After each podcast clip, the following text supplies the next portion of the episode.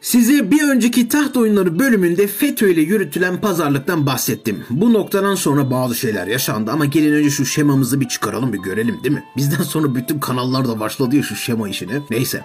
Öncelikle tabii başta en yukarıda Cumhurbaşkanı Tayyip Erdoğan var. Tayyip Erdoğan'ın da kendi kurmayları var. En güvendiği, en fazla alan sağladığı insanlar bunlar. Bunlar sırayla Hakan Fidan, Hulusi Akar, Mevlüt Çavuşoğlu, diğer taraftan İbrahim Kalın ve Fahrettin Altun. Bunlar genelde kendisinin değer verdiği ve önemsediği kişiler. Tabii sarayda danışman manışman falan da var da onların önemi daha çok böyle lokal olaylarda. Tabii Fahrettin Altun'un düşüşte olduğunu belirtmek gerekiyor. Başta şu çizgi film skandalıyla gelen ve 128 milyar kampanyasıyla AKP tarihinde ilk kez propaganda üstünlüğünü muhalefete kaptırdı. Bunun faturası da sorumlusu da Fahrettin Altun'a kesildi yani. Şimdi gelelim bir de aktif siyasete. AKP'nin kanadı Neo AKP diyebileceğimiz Pelikan olarak bilinen SETA'dan beslenen Berat Albayrak etrafında kümelenmiş bir grup var. Bunların asıl gücü de İstanbul'da. O yüzden İstanbul grubu olarak da biliniyorlar. Diğer grup AKP'nin içerisindeki eski milli görüşçüler. Bunların liderleri de Numan Kurtulmuş, Abdülhamit Gül ve Şerif Malkoç. Malkoç bu arada Gül'ün de kayınpederi. Üçüncü parti Süleyman Soylu grubu ve İçişleri Bakanlığı. Dördüncü ve son parti MHP ve Ülkücü Sağcı grup. Devlet Bahçeli ve Sağcı grubu Soylu'yu desteklerken diğer bütün gruplar aralarında kavgalı. Soylu Albayrak'la Albayrak, Soylu'yla Abdülhamit Gül de ikisiyle kavgalı. Hatta bu eski milli görüşçülerden Malkoç yeni kapı mitinginde Bahçeli ile dalga geçmişti. Erdoğan da özür dilemesini söylemişti. Bu sembolik aslında. Bu ideolojik çatışmanın bir sembolü. En son Soylu Albayrak'ı oyundan dışarı çıkarmıştı. Fakat bunların hepsi tazelemek için. Sonuçta bunların hepsini daha belki bölümlerde anlattık. İzleyen oradan izlesin. Tayyip Erdoğan'ın ve AKP'nin en büyük açığı her zaman personel oldu. İdeolojisi ve doktrini olmadığı için her zaman ortaklara ihtiyaç duydu. Bu ortaklardan sonuncusu da işte MHP. MHP'nin emniyet yapılanmaları ve personeli güçlü. Tamam. Da bir de bunun negatif etkileri var. Ülkücü mafya grupları. Bugün işte bu yüzden videoyu biraz ikiye ayıracağız. Bir büyüklerin taht oyunları bir de küçüklerin taht oyunları var. Biraz da aşağıda olanlardan yukarıya okumaya çalışacağız. Ancak bizimkilerin hikayesi sandığınızdan biraz daha erken başlıyor.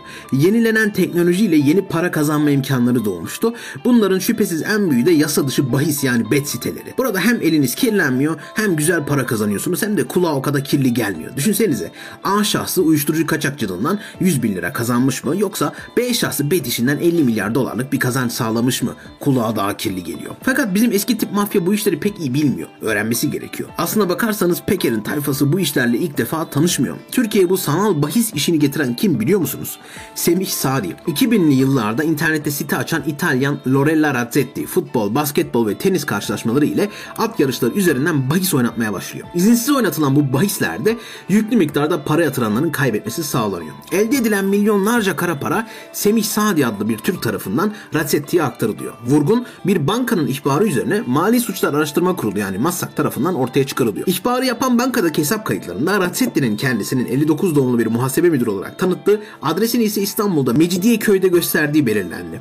Bahis oynayanların Razzetti'nin hesabına yatırdığı bu paralar ise kendisi tarafından vekalet verilen Türk vatandaşı Semih Sadi tarafından çekiliyor. Bunun üzerine Semih Sadi'nin izi sürülmeye başlanıyor ve ilk defa sanal bet ve Kıbrıs bir araya geldi. Çünkü Sadi'nin annesi Stella Salem ki Semih Sadi de Musevi bu arada bunu da belirtelim. Önemli olacak bu çünkü ileride. Girne'de bir hesap açıyor. Bu ortaya çıkarıyor. Semih Sadi annesi adına Girne'de bir hesap açmış. Kolaybahis.com adlı bir başka internet sitesinden oynayanların paralarını Kıbrıs'taki bu hesaba yatırmasını sağlıyor. Semih Sadi'nin bu paraları annesi aracılığıyla çektiği belirleniyor. Masak vurgunu önlemek amacıyla işbirliği yaptığı bankalara söz konusu hesapları kapattırıyor. Ancak Semih Sadi kendini geliştiriyor. Bu süreçte farklı yöntemler buluyor. Yani düşünsene eskiden böyle bahis yaptığın zaman birinin bankasına parayı falan yatırıyor. Ne kadar güven, güven vermeyen bir olay değil mi? İşte 2000'li yıllar ama Semih Sadi akıllı kendi geliştiriyor. Bak da 2000'li yıllarda sıkı durun ne yapıyor biliyor musunuz? Nokta Otomasyon Bilişim Ticaret Limited şirketini kuruyor. E ne oldu diyorsun şimdi sen?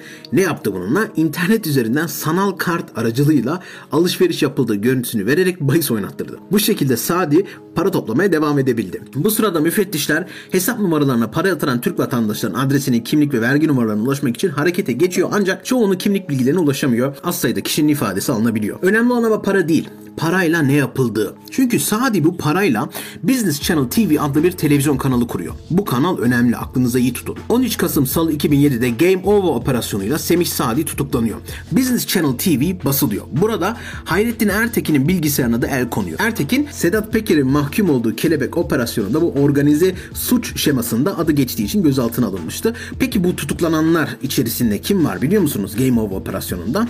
Hüsnü Falyalı, Halil Falyalı'nın kardeşi. İşte Sanalbet, Kıbrıs ve Falyalı isimleri ilk defa burada bağlanıyor. Hüsnü Falyalı ve Sanalbet'e birazdan döneceğiz ama size Business Channel TV'yi anlatacaktık değil mi?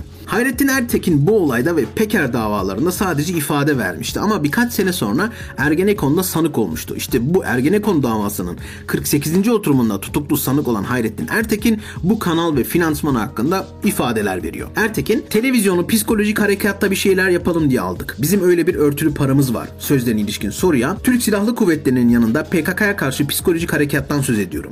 Biz televizyonlarda reklam dışı gelirlere örtülü ödenek deriz diye karşılık veriyor. Business Channel'a örtülü ödenekten para geldiği yönünde bir beyanı olduğu hatırlatarak örtülü ödenekten kasının ne olduğu sorulan Ertekin de reklamdan gelmeyen para örtülü paradır. Reklamdan gelen para açık paradır. Patronun verdiği paraya örtülü para denir şeklinde konuşuyor. Business Channel'ın ortağı ve aslında sahibi Semih Sadi nedeniyle kara para suçundan basıldığını ifade eden Ertekin, Sadi'nin ABD'deyken internetten kumar para oynayarak kazandığı 40 bin doları babasına gönderdiğini, hakkındaki suçlamanın ise bu nedenle yapıldığını iddia ediyor. Bu konuyu Kıvrıkoğlu ve Büyükanıt ile konuştum. Yaşar Büyükanıt'tan bahsediyor. Medyanın bu konuda yanlarında yer almadığından şikayetçi oldular. Ben de buyur size televizyon dedim. Ne söylemek isterse söylesinler dedim diyerek kendini savunuyor. Daha enteresan olan olay da Hayrettin Ertekin'in Diyarbakır'da görev yapan bir komutanın selamını duruşmadan Sedat Peker'e iletmesi. TSK'nın Güneydoğu'da başlattığı yardım faaliyetleri kapsamında oradaki öğrencilere 5000 önlük dağıttığını belirten Ertekin, Diyarbakır'da bir komutan tarafından Peker'in de 3 tır giyecek gönderdiğini öğrendim. Komutan Peker'e bu konuyla alakalı teşekkürlerini iletmemi istedi. Bu teşekkürü şu ana kadar iletme şansı bulamadım. Buradan iletiyorum diye konuştu. Tüm bunlar davalarda görülürken Business Channel TV'nin başında bulunmuş Can Ataklı konuştu. 2008 yılında şöyle anlatıyordu yaşananları. Bu arada Can Ataklı ve Sedat Peker deyince aklınıza şu sahne gelmiş olabilir. Millet para verdi oraya çıkmak için. İnanın diyorum. Ya bir örnek vereyim Can Ataklı. Mesela ya adamın tarzı var, şekli var, şimali var. Tanışmıyoruz ama yani bir tipli var. Ya ondan etkilenmiş ya. O da işte o kuşaktan. O da seyredenlerden televoli. Şimdi bir haber yazmış. Sedat Peker'in yurt dışına neden kaçtığını açıklıyordu. Hani meşhur olmak isteyen popçular böyle bir şey kasarlar ya takipçi kasmak için. Ya koskoca adamsın Can abi. O yaptığın haber nedir? Öyle rezalet mi olur? Olmaz. İşte bu yüzden diyorum. Bizim hepimizi kaldırıp çöpe atacaksınız. Bizden bir şey olmaz. Business Channel'ın başına geçmem için ilişki kuran kişi Hayrettin Ertekin adlı bir kuyumcuydu. Bu kişi kanalın gizli sahibi olduğunu ama Musevi asıllı iş adamı Semih Sadi'nin sahip görüneceğini söyledi. Ertekin askerle arasının çok iyi olduğunu, bu nedenle yönetim kurulunda bazı emekli generallerin ve Kenan Evren'in basın danışmanı Ali Baransel'in olacağını söyledi. Yönetim kurulunun bu şekilde oluşturulmasına asker televizyonu görüntüsü vereceğini belirterek karşı çıktı. Ertekin kendisinin Genelkurmay Başkanı Orgeneral Yaşar Büyükanıt'ın danışmanı olduğunu, bunun da ötesinde tek sırdaşı konumunda bulunduğunu belirterek Dolmabahçe görüşmesini sadece bana anlattı dedi. Bu durumu görünce kanaldan gelen teklifi kabul etmemeye karar vererek sahip konumunda göründüğünü söylenen Semih Sadi'ye durumunu aktardım. Ancak Sadi, Ertekin'in bizde tek kuruşluk hissesi bile yok. Bir zamanlar babama iyilik yapmış, babam da kendisini kolluyor. Ayrıca Büyükanıt'ın en yakın adamı. Bu nedenle de gönlünü hoş tutuyorum. Ama size söz, televizyon işine onu asla karıştırmayacağım. Siz de yardım ederseniz ayağını tam olarak keseriz, demiş Semih Sadi Can Ataklı'ya. Bu bilgiler ışığında rahatladım ve işe koyuldum. Birkaç takviye ile kadroyu oluşturdum. Herkese hatırı sayılır zamlar yaptım. Stüdyo ve çalışma ortamlarını yeniledim. 25 Ağustos günü yeni yayın dönemini başlatmaya karar verdim. Ataklı bu şekilde yeni yayın hayatına başlıyor. Fakat daha sonra bazı emekli generallerle kavga ettiğini ve bu yüzden dönemin Genelkurmay Başkanı Yaşar Büyükanıt'ın kendisini oradan kovdurduğunu söylüyor bir kumpasla. Peker'e kadar dayanan enteresan ilişkiler ağı değil mi? Fakat bahis siteleri ve Kıbrıs'ın önemini anlamışsınızdır. Şimdi gelelim Kıbrıs'a. Bu haftaki konuğumuz ve adı çok canlanan Halil Falyalı var. Falyalı klasik lokal mafyadan yükselme bir tip. Gasp, uyuşturucu, haraç, şantaj, tehdit ve tabii ki Kıbrıs'a özel kumar. Fakat değişen dönemde kumarın oynanış biçimi de değişti tabii ki. Falyalı kendini bir kabadayı olarak görüyordu. Gençliğinde eski Cumhurbaşkanı Derviş Eroğlu'nun korumalığını yapmış, Ulusal Birlik Partisi'nden destek veriyor. Bu politik destekleri de bahis işine giriyor. Bunun için Yaşam Ayevefe'yi biraz tanımak gerekiyor. Ayevefe Fethullahçı bir background'a sahip. En azından onlar sayesinde bilişim eğitimi alıyor. Bunun sonucu olarak da Türkiye'de Adana'da 2006 yılında sanal bahis işine giriyor. Ayevefe bu sektörde en bilgili, en hızlı diye biliniyor. Sadece Yasa dışı bahisle kumardan elde ettiği para yıllık 1,5 milyar dolar. Diğer kumar baronları ile birlikte yasa dışı kumar ve bahis siteleri yıllık 50 milyar doları kontrol ediyor. 2009'da hakkında tutuklama kararı çıkınca kendini Kıbrıs'a atıyor. Burada Veysel Şahin'in yanına giriyor. Veysel Şahin yasa dışı bahis işinde kısa sürede yükseliyor. Tabi bu ne demek? Korumaya ihtiyaç demek. İşte bu noktada Halil Falyalı devreye giriyor. Şahin'i koruyor. Bir de tabii ki Halil Falyalı'nın kardeşi Hüsnü Falyalı var. Hani şu başta bahsettiğimiz var ya. İşte bu Hüsnü Falyalı'nın Eray Kenanoğlu'yla birlikte birçok konuda ortaklık yaptıklarını bütün Kıbrıs biliyor. Başta sanal bet işinde. Eray Kenanoğlu 2005'ten beri yasa dışı bahis işi yapıyor. Yani ortada bir profesyonellik var. Bu vesileyle Kenanoğlu IMF'yi de tanıyor. Yaşam IMF bu esnada Kuzey Kıbrıs Türkiye Cumhuriyeti vatandaşlığını ediniyor adadaki bir oteli ve kazinoyu 12 milyon euroya satın alıyor. Daha sonra tam 14 milyon euroya Girne'de bir araziyle otelini ve kazinosunun sahibi oluyor. Yasa dışı bahis ve kumardan elde ettiği parayla sayısız gayrimenkul ve inşaat yatırımı yapıyor. Tabi bunlar için emanetçi dediğimiz paravan biri gerekli değil mi? Bu noktada devreye sözde iş insanı tabi hepsi iş insanı bu arada amına koyayım. bu noktada devreye Ertuğ Dilaver giriyor. IMF'nin emanetçi küçük ortağı. Çark oturmuş yani anlayacağınız.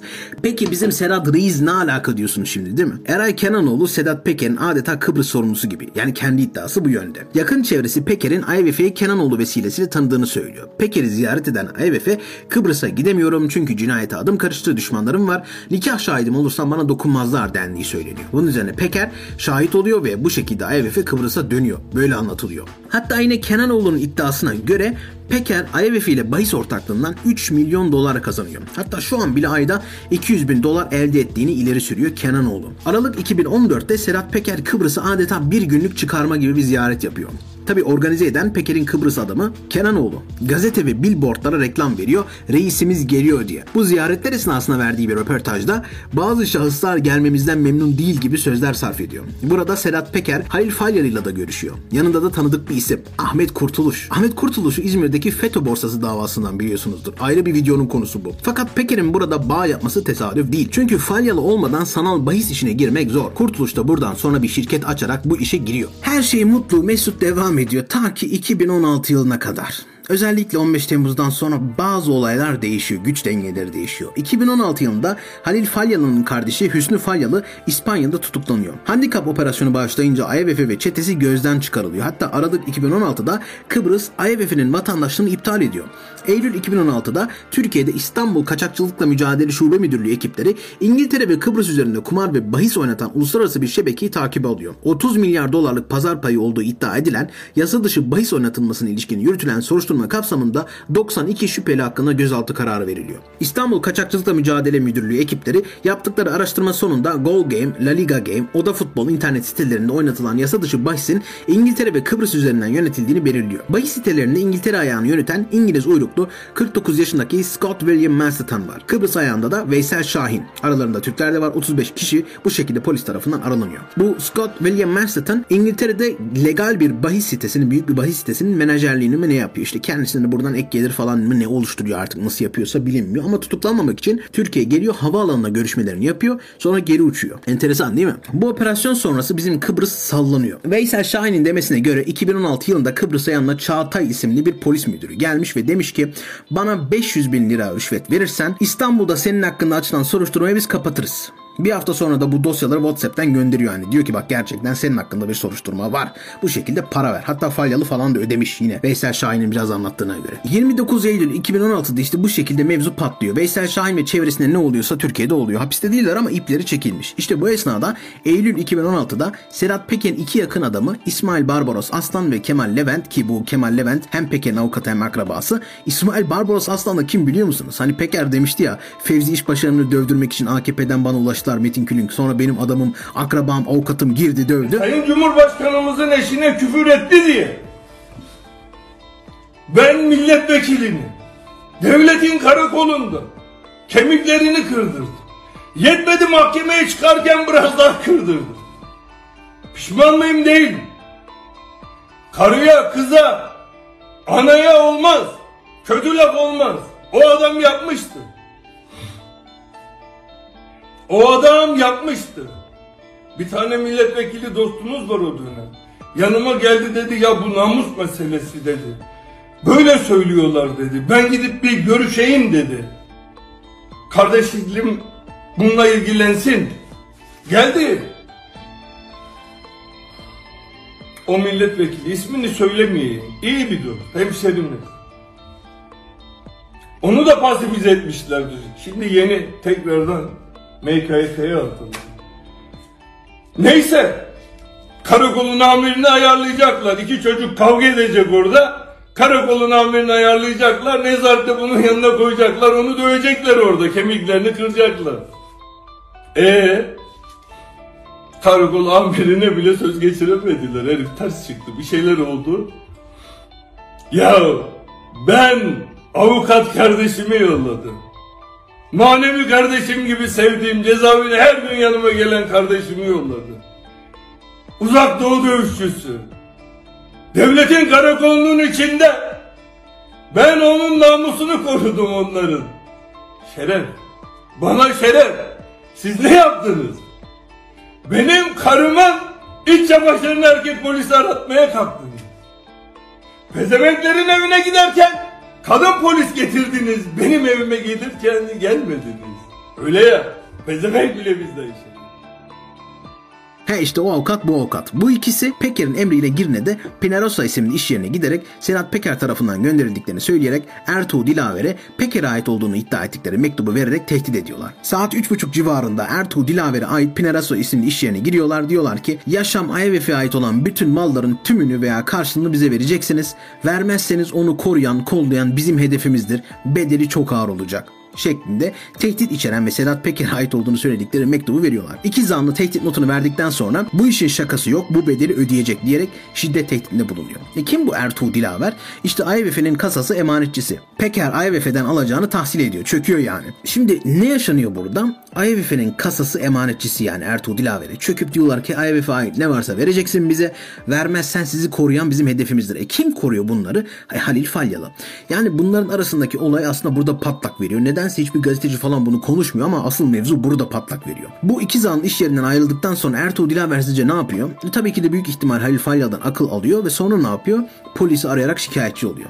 Şikayet üzerine akşam saatlerinde tespit edilerek gözaltına alınıyor bu ikisi. Öğleden sonra da teminata bağlanarak Girne Kaza Mahkemesi'ne çıkarılıyorlar. 3000 TL nakit teminat yatırmaları şartıyla yargılanmak üzere serbest bırakılıyorlar. Şimdi Halil Falyalı'nın elinde olduğu için bu oralar komple bu Kıbrıs'ta bu işi aslında onun yaptırdığını kesinlikle söyleyebiliriz neredeyse. Yani Ertuğrul Dilaver büyük ihtimalle telefonu sarılıp Halil Falyalı'yı arıyorlar diyorlar ki Peker bana çökmeye çalıştı. O da diyor ki şikayet et polisler bu işi halleder diyorlar. Ve dediği şekilde de yapıyorlar. Sadece bu değil bu arada 2016'da Halil Falyalı'nın kardeşi Hüsnü Falyalı da İspanya'da tutuklanıyor. Rum mafyasının yardımıyla böyle spektaküler bir şekilde hapisten kaçırılıp Kıbrıs'a geri getiriliyor. 2016'da Türk mafyası resmen çökmüş yani Kıbrıs'a ve sallanıyor. Veysel Şahin hani para ödeyip hakkındaki dosyanın kapatıldığını sanıyor ya. Bu ödediği paralara güvenerek 17 Temmuz 2017'de ağaçtan düşerek yaralanan babasını İstanbul'da hastaneye götürmek için özel uçağıyla Sivas'a geliyor. Fakat burada kendisini gözaltına alıyorlar. Gözaltına alınan Veysel Şahin tutuklanarak da Silivri cezaevine konuluyor. Sadece 2,5 ay içerisinde 21 Temmuz 2017'den 6 Ekim 2017'ye kadar Veysel Şahin'i Silivri cezaevinde 103 avukat 303 kez ziyaret ediyor. Niye? E tabii ki de pazarlıklar dönüyor ama Veysel Şahin bir türlü salınmıyor. Hatta 2018'de Ağır Ceza Mahkemesi 3 adamını tahliye ediyor kendisini de. Bu 3 sanık çıkıyorlar hemen kaçıyorlar kayıplara karışıyorlar. Ama Veysel Şahin'in işi biraz daha uzuyor 4 saat daha uzuyor.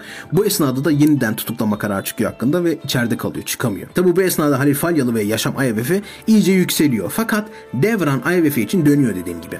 Peker'le ters düşmesi ve vatandaşlığın iptali sonrası Ayvefe Balkanlara kaçıyor. Fakat Peker orada güçlü. Sahte pasaportla yakalanan Ayvefe hapse atılıyor. 7 ay sonra tahliye ediliyor ve Yunanistan'a kaçıyor. Yaşam Ayvefe 28 Şubat 2019'da Türkiye iadesi amacıyla Yunanistan Interpol birimleri tarafından yakalanıyor. Ayvefe yakalanınca ortağı Ertuğrul Dilaver de firar ediyor Kıbrıs'tan. Fakat Ayvefe Türkiye'ye iade edilmiyor. Avukatlığını Yunanistan'da FETÖ'cülerin avukatları üstleniyor. Yunanistan'daki kiliselere de milyonlarca euro bağış yapıyor ve Yunan gizli servisi ve üst düzey siyasetçilerle çok yakın ilişkiler içerisinde. Bu şekilde Yunanistan dolaşım kimliğini alıyor ve Türkiye iade edilmekten kurtuluyor. Yunanistan'da FETÖ mensuplarıyla ciddi ticari ilişki içerisinde olduğuna dair iddialar da var. Bu esnada kendine bir Dominik Cumhuriyeti vatandaşlığı yapıp İngiltere'ye milyonlarca euro yatırım yapıyor ve bu noktadan sonra rahatça Londra Yunanistan arasında mekik dokumaya başlıyor. Yeniden güçleniyor. Bundan çok değil biraz sonra 18 Mayıs 2019'da Eray Kenanoğlu'na bir suikast girişimi oluyor. Tam 14 kurşun sıkılıyor. Şans eseri kurtuluyor. Fakat olay burada bitmiyor. Kenan Kenanoğlu hastanede yatarken kendisini vurduranın avukatı geliyor ve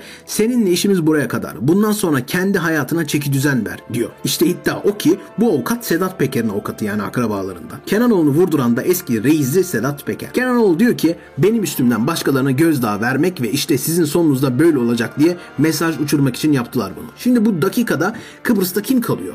Hani kime mesaj gidecek? IMF kaçmış, Ertuğ Dilaver kaçmış, Veysel Şahin hapiste, Kenanoğlu'nun bağlı olduğu bir tek Falyalılar kalıyor. İki hafta sonra İzmir'den Ahmet Kurtuluş suikaste uğruyor ve öldürülüyor. Hani Peker'in Sarallarla tanıştırdığı, Falyalı ile arasını yaptığı sanal bahisçi Kurtuluş. Bir de bu işin Türkiye boyutu var. Türkiye'de 3 mafya grubu dikkat çekiyor. Birincisi Sarallar, Karadenizli ve Süleyman Soylu'ya yakın bir mafya grubu. İkincisi Şahinler grubu. Bunlar Saralların ark nemesi gibi bir şey. Görünürde bir destekçileri yok. Üçüncüsü de Şirinler. Tabii ki de Çakıcı ve Peker grupları falan da var da onları saymama gerek yok herhalde. Sarallar hem Şahinlerle hem Şirinlerle çatışma içerisinde. Aynı şekilde Sarallar Türkiye'de sanal bahis içinde bir numara olmuşlar. 15 Temmuz'dan sonra beri gelen bir soylu bağlantılar var. Hatta Şahinlerin telefonları dinlenince tekrar ortaya çıkıyor bu. Sanıklardan Harun Aydın ile Ali Özeroğlu arasında geçen telefon görüşmesinin tarihi 7 Kasım 2017. Ali Özeroğlu diyor ki bu Süleyman Soylu diyorlar baba işte. Süleyman Soylu K nokta nokta çocuğu daha bir buçuk ay öncesinde böyle bir duyumumuz vardı. Sarallar Süleyman Soylu'ya büyük paralar indirmişler. Süleyman Soylu üzerinden bürokratlara, bürokrasiye, emniyete bir baskı yaptığını söylüyorlar. Söyleniyordu yani. Bir buçuk ay öncesinden, bir buçuk ay öncesinden baba. Özeroğlu'nun bu sözlerine karşılık Aydın,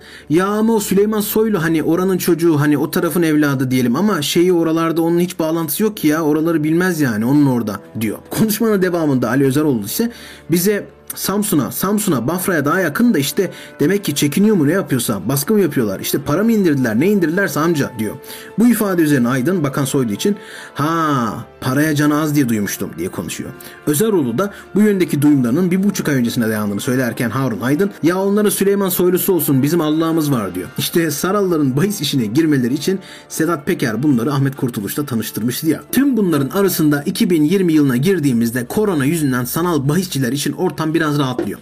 Hatta Yaşam Ayvefe ve Halil Falyalı yardım üstüne yardım yapıyor. Hayırsever iş adamları diye PR yapıyorlar. Onlar bir yandan bunlarla uğraşırken Peker yine Mayıs ayında Balkanlardaki ilk video serisini yapıyor. Bu kısmı bu kısmı Berat Albayrak soylu çatışmasıyla birlikte ilk bölümlerde anlatmıştık hatırlarsanız. İşte 2021 yılına girdiğimizde olaylar peşi sıra patlayıveriyor. Şubat ayında Beyaz TV'de Falyalı ve IMF hakkında haber yapılıyor. Aynı şekilde diğer TV kanalları da takip ediyor bunu. Özellikle Süleyman Soylu'nun ta 3 sene öncesi konuşmalarından kesitler alınarak yapıyorlar bunu. Bu yeraltı operasyonları Sedat Peker'i de vuruyor sonra biliyorsunuz. Bu noktadan sonra Peker'in de anlam veremediği bir iç çekişme, güç savaşı başlıyor ve biz Türkiye olarak bunlara Peker'in videoları üzerinden şahit oluyoruz. Bu çekişme aslında Peker'in merkezinde değil, tüm yeraltı dünyasında. Mart ayında bu haberler artıyor. Haklarında yürütülen soruşturmalar açığa çıkıyor. Yani basına yansıyor. Her yerde Halil Falyalı, Yaşam Ayvefe ve yasa dışı bahis haberleri dönüyor. 30 Mayıs'ta da bunların üzerine Sedat Peker 8. bölümde ilk defa Halil Falyalı'yı konuşuyor. İşte Falyalı'nın gidişi burada tam olarak başlıyor. Bundan 2 hafta sonra Tolga Şardan haberine göre Alaaddin Çakıcı Kıbrıs'a gönderiliyor. Büyüteç yayınlandıktan sonra Çakıcı muhtemeldir ki Ankara veya İstanbul'dan hatta Bodrum'dan da görüntü verebilir. Ama bir detay daha vereyim. Çakıcı'nın ikamet etmesinin ötesinde işten yürütmesini sağlaması amacıyla Kıbrıs'ta bir ofis olacak. Öyle ki tefrişi de bitti ya da bitmek üzere diye haber geçiyor. Bu enteresan çünkü Türkiye'den organize şekilde Kıbrıs'taki yasa dışı bahis işi dağıtılıyor. Hedef yapılıyor ve yerine çakıcı hazırlanıyor. Daha evvel de Peker gitmiş onun yerine. Yani bir yer değiştirme durumu var. Bundan bir ay sonra Şirinlere karşı operasyonlar başlıyor. İşte Adana'da operasyon düzenleniyor ve liderlerinde bir Sedat Peker tespihi bulunuyor. Bu önemli bir mesaj. Burada bir ittifak söz konusu. Bu esnada spotlar Falyalı'ya çevrildiği için her şey didik didik inceleniyor. Bu, bu tip insanlar için korkunç bir durum çünkü onlar gri alanları severler. Aradan yaklaşık 3 ay gibi bir süreç geçiyor ve 10. aya geliyoruz. 10. aya geliyoruz. 10. ay baktığınız zaman bu çekişmede, bu savaşta, bu kavgada en önemli ay gibi. 10. ayın 7'sinde Turgut Katırcı Falyalı'dan şikayetçi oluyor. Ne diyor Turgut Katırcı? Kumarhanesine işte beni dövdüler, şöyle yaptılar, böyle yaptılar. Aslında bu gibi sebeplerden dolayı Falyalı'nın adı bile geçmez böyle ortamlarda ama işte bir şekilde biri kulaklara fızıldamış bir şekilde bunun bir devamı gelecek sen git ifade ver şikayetçi ol diyorlar. Öyle de yapıyor. Bundan bir gün sonra Falyalı hakkında tutuklama emri çıkıyor. Şimdi tüm bunların gerçekleşmesi öyle kolay kolay olacak şeyler değil Kıbrıs Kıbrıs'ta. Serhat Peker'in burada en önemli yaptığı olay şu ki diyor ki Erkam Yıldırım'ın görüntüsünü aldığı için onu şantajla uyuşturucu işine soktu diyor. Bu tabii yukarı inanılmaz mesaj. Bundan sonra yaşanacaklar da aslına bakarsanız bunun bir devamı gibi görülebilir. Sadece bir gün sonra Falyalı hakkında tutuklama emri geliyor. Şimdi tüm bunların gerçekleşmesi dediğim gibi öyle kolay kolay olacak şeyler değil Kıbrıs'ta. Genel kurmayın yol vermesi olmadan olacak şeyler değil. Zira Falyalı'nın Türkiye'den Sarallarla da bağlantısı var. Ayın 15'inde de Falyalı teslim oluyor. Artık bir şeye mi güvendi yoksa ona akıl mı verildi bilinmez ama beklediği şekilde olmuyor. Falyalı tutuklanıyor. Bu tabii bir şok. Fakat Falyalı kendinden bekleneni yapıyor. Kasetli şantaj. Bunu Peker'de konuşmuştum. 4 gün sonra ayın 19'unda Falyalı kurtulmak için eldeki kasetleri kullanmaya çalışıyor. Kendi adamı olan başbakana baskı için. Yayılması için değil aslında. Fakat bu esnada kasetler Peker'e yakın kişilerin eline geçiyor. Bu nasıl oluyor bilinmez. Falyalı'dan bıkmış bürokratlar mı Peker'i paslıyor Falyalı'dan kurtulmak için yoksa Peker'in içeride adamları mı var bunlar bilinmiyor. Falyalı burada Eray Kenanoğlu bir şekilde ayarlayıp dosyaya dahil ettiriyor. Sedat Peker dosyasına. İşte burada Peker sinirleniyor. Şimdi iddia o ki Peker'in iddiası. Süleyman Soylu Falyalı'ya diyor ki ben seni oradan çıkarırım ama işte senin adamın olan Eray Kenanoğlu ve eskiden Peker'le bağlantılıydı. Kendisi işte kurşun almıştı. Bunun bir şekilde Peker hakkında ifade vermesini sağla. Ondan sonra biz işte seni oradan çıkarırız. İddiası bu. O yüzden hemen akşam üzeri Sedat Peker'in basın sözcüsü Emre Olur Twitter'dan açıklama yapıyor. Diyor ki Halil Falyalı'nın kasetleri elimize geçti. Eray Kenanoğlu konusunu Falyalı baskılıyor ama ilahi adalet. Burada Falyalı şunu düşünmüş olabilir. İşte benim başıma bu katırcıyla bela ördünüz ben de senin başına Kenanoğlu'nu örerim diye.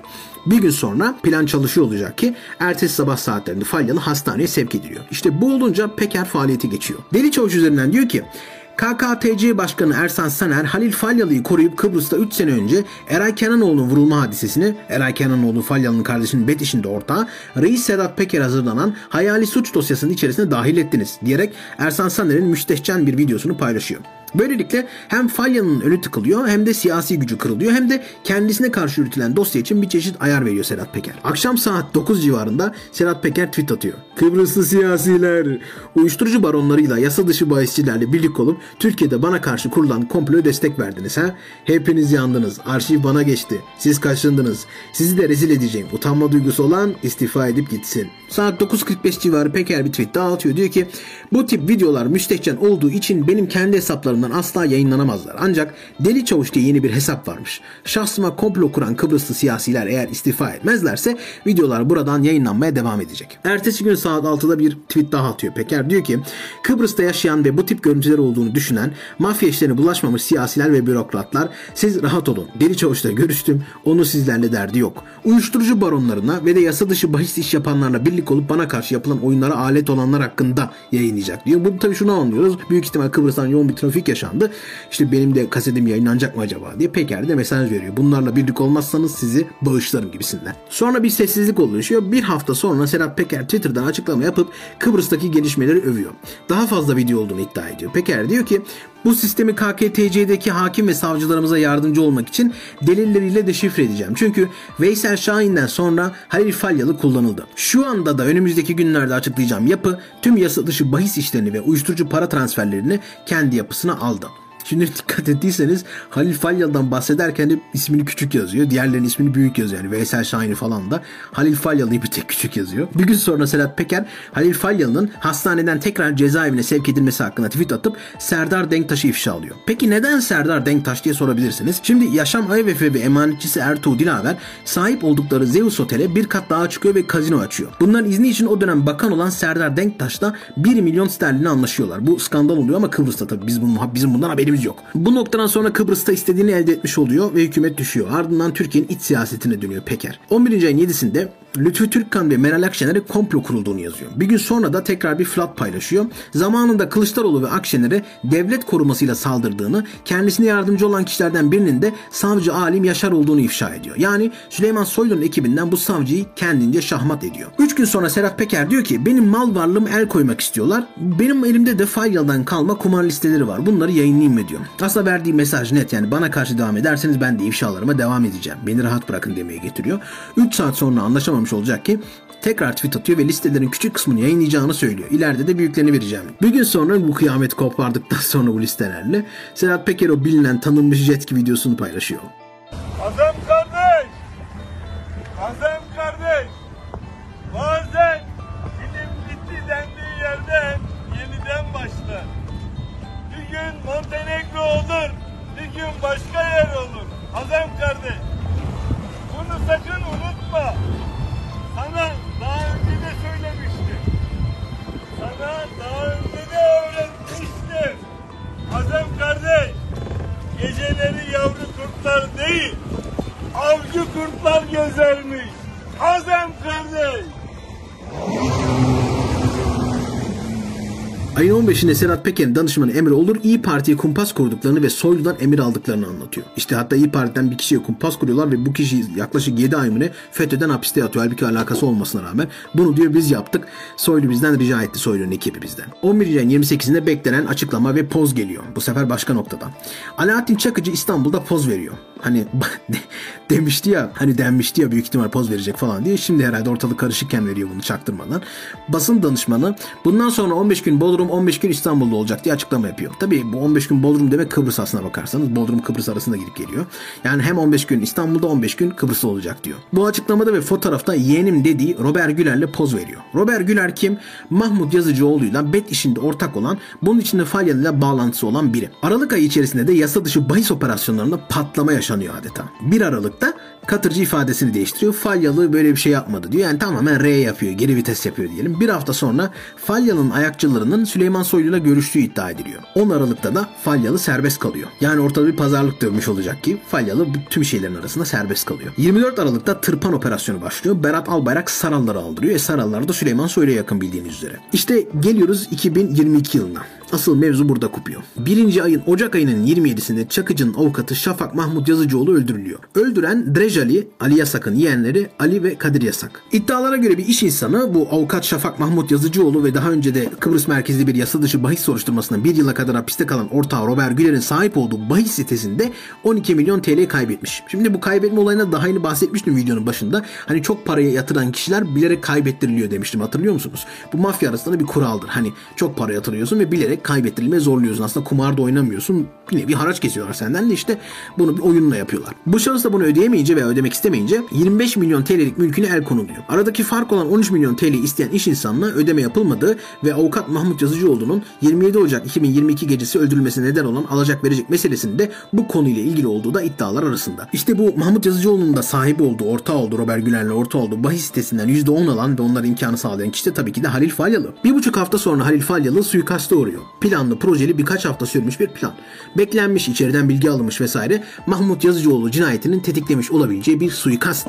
Hastaneye gelen Sarallar grubu da buradan bağlılık gösteriyor. Hatta yakınlardan Ankara'ya hedef alan sloganlar geliyor. Bir diğer noktada tabii Binali Yıldırım'ın oğlu Erkam Yıldırım. Bu tartışmada en merkezdeki isim Erkam Yıldırım. Biliyorsunuz Peker Binali Yıldırım'a dokunana kadar Tayyip Erdoğan soyluya sahip çıkmadı.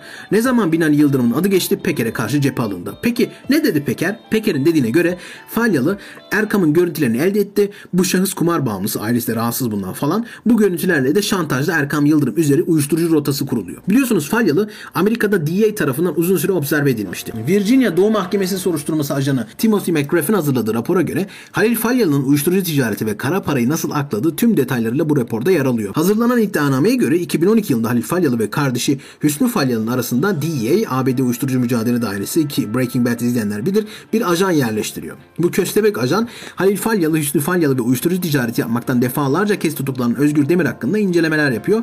13 Temmuz 2015'te ise ajan ifadesini veriyor. Yani bir köstebek yerleştiriliyor ve tüm detaylarıyla bu iş patlıyor. İşte iddia odur ki bundan sonra yeni rota oluşturuluyor. Çünkü başları belada bunun için de Erkam Yıldırım kullanılıyor. Şimdi Senat Pekin ifşalarının en büyüğü aslında bu. Hiçbir ifşası Yıldırım'ın ifşası kadar dokunmadı yukarıya. Hal böyle olunca Falyalı'nın ipi aslında burada çekildi. Hani bu şantaj görüntüleri mafyanın elinde iyi bir koz. Ama işte bazen ters tepebiliyor. Çünkü tehlikeli oluyorsun. Bu Amerika'da bu olay patladıktan sonra 2016 yılında Kıbrıs'ta büyük bir güç değişikliğinin olması tesadüf değil aslına bakarsanız. Yani bunun devamı geliyor. Milyarlarca dolar dönen bu piyasada el değiştirme temizliği yaşanıyor anlayacağınız. Gelelim yukarıya. Yukarıdaki taht oyunlarından uzun uzun bahsetmiştik zaten. Abdülhamit Gül bu bağlamda yalnız bir isim. Neden? Çünkü arkası sağlam değil. Bir tarafta MHP destekli Soylu, diğer tarafta damat Albayrak. E Gül'ün kimi var? Kimsesi yok ve uzun süredir de bu baskılara dayanamaz bir hale geldi. Şimdi Soylu ve ekibi oldukça radikal düşünen insanlar. Yani aşırı sert, antidemokrat ve kuralları, yasaları pek ipleyen bir tayfa değil.